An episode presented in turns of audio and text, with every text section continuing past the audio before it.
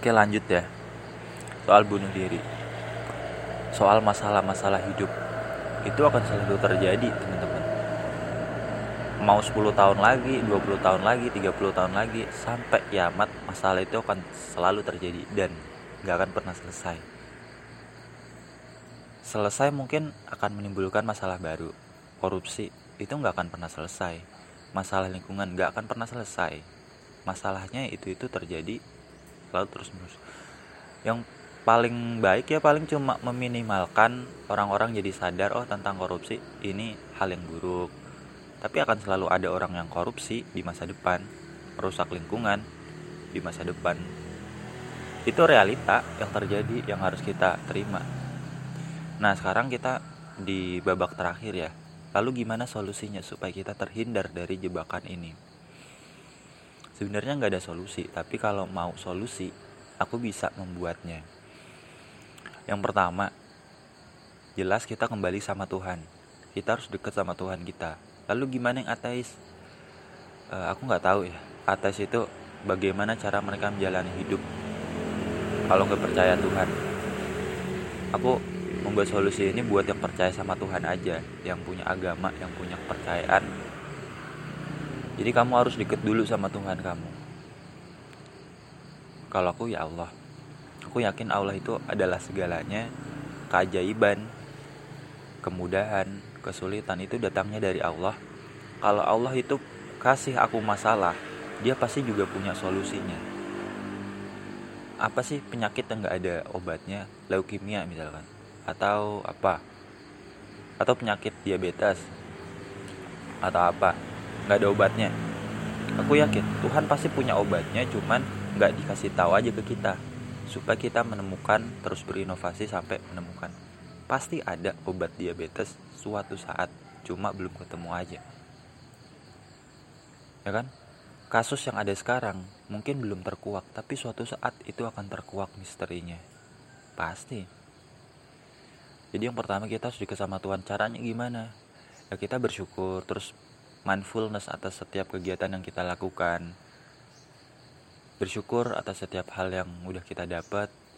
Nggak aneh-aneh. Ya kita kembalilah sama kitab suci kita. Kalau aku ya kembali ke Al-Quran. Menjadikan Al-Quran sebagai pedoman hidup. Kita menghargai toleransi sama orang.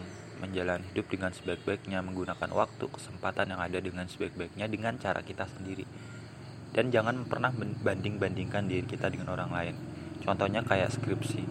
Kok skripsiku lama ya tapi orang lain cepet? Ya jangan dibanding-bandingkan. Ya mungkin dia punya pilihan hidup di masa depan yang berbeda suatu saat. Kita nikmati aja proses hidup kita oh begini-begini.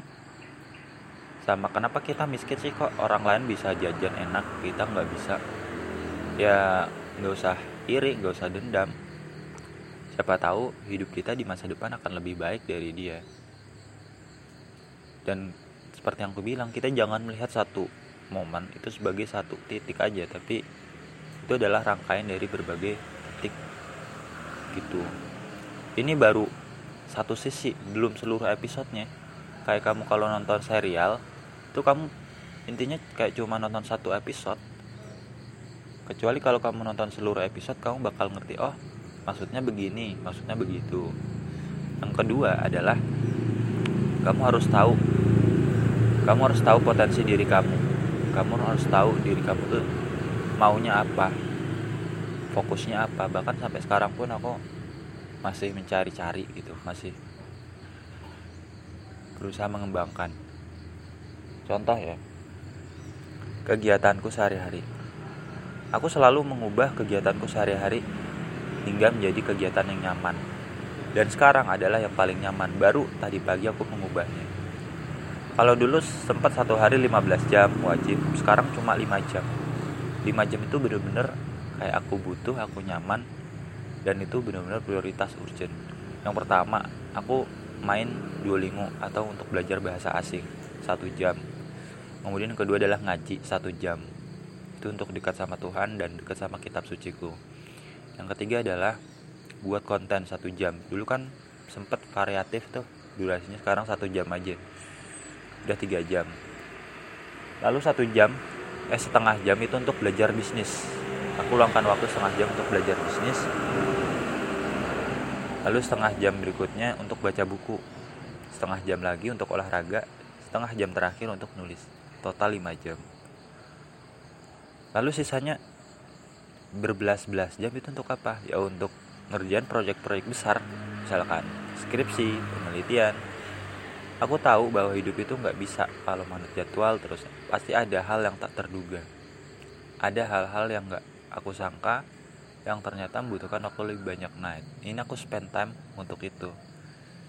Tapi tetap semisal nggak ada proyek besar aku akan mengulangi habit yang 5 jam itu katakanlah aku tidur 7 jam per hari. Habit utama 5 jam sisa 12 jam. Terus sisa 12 jam nih ya udah aku ngulangin lagi dong.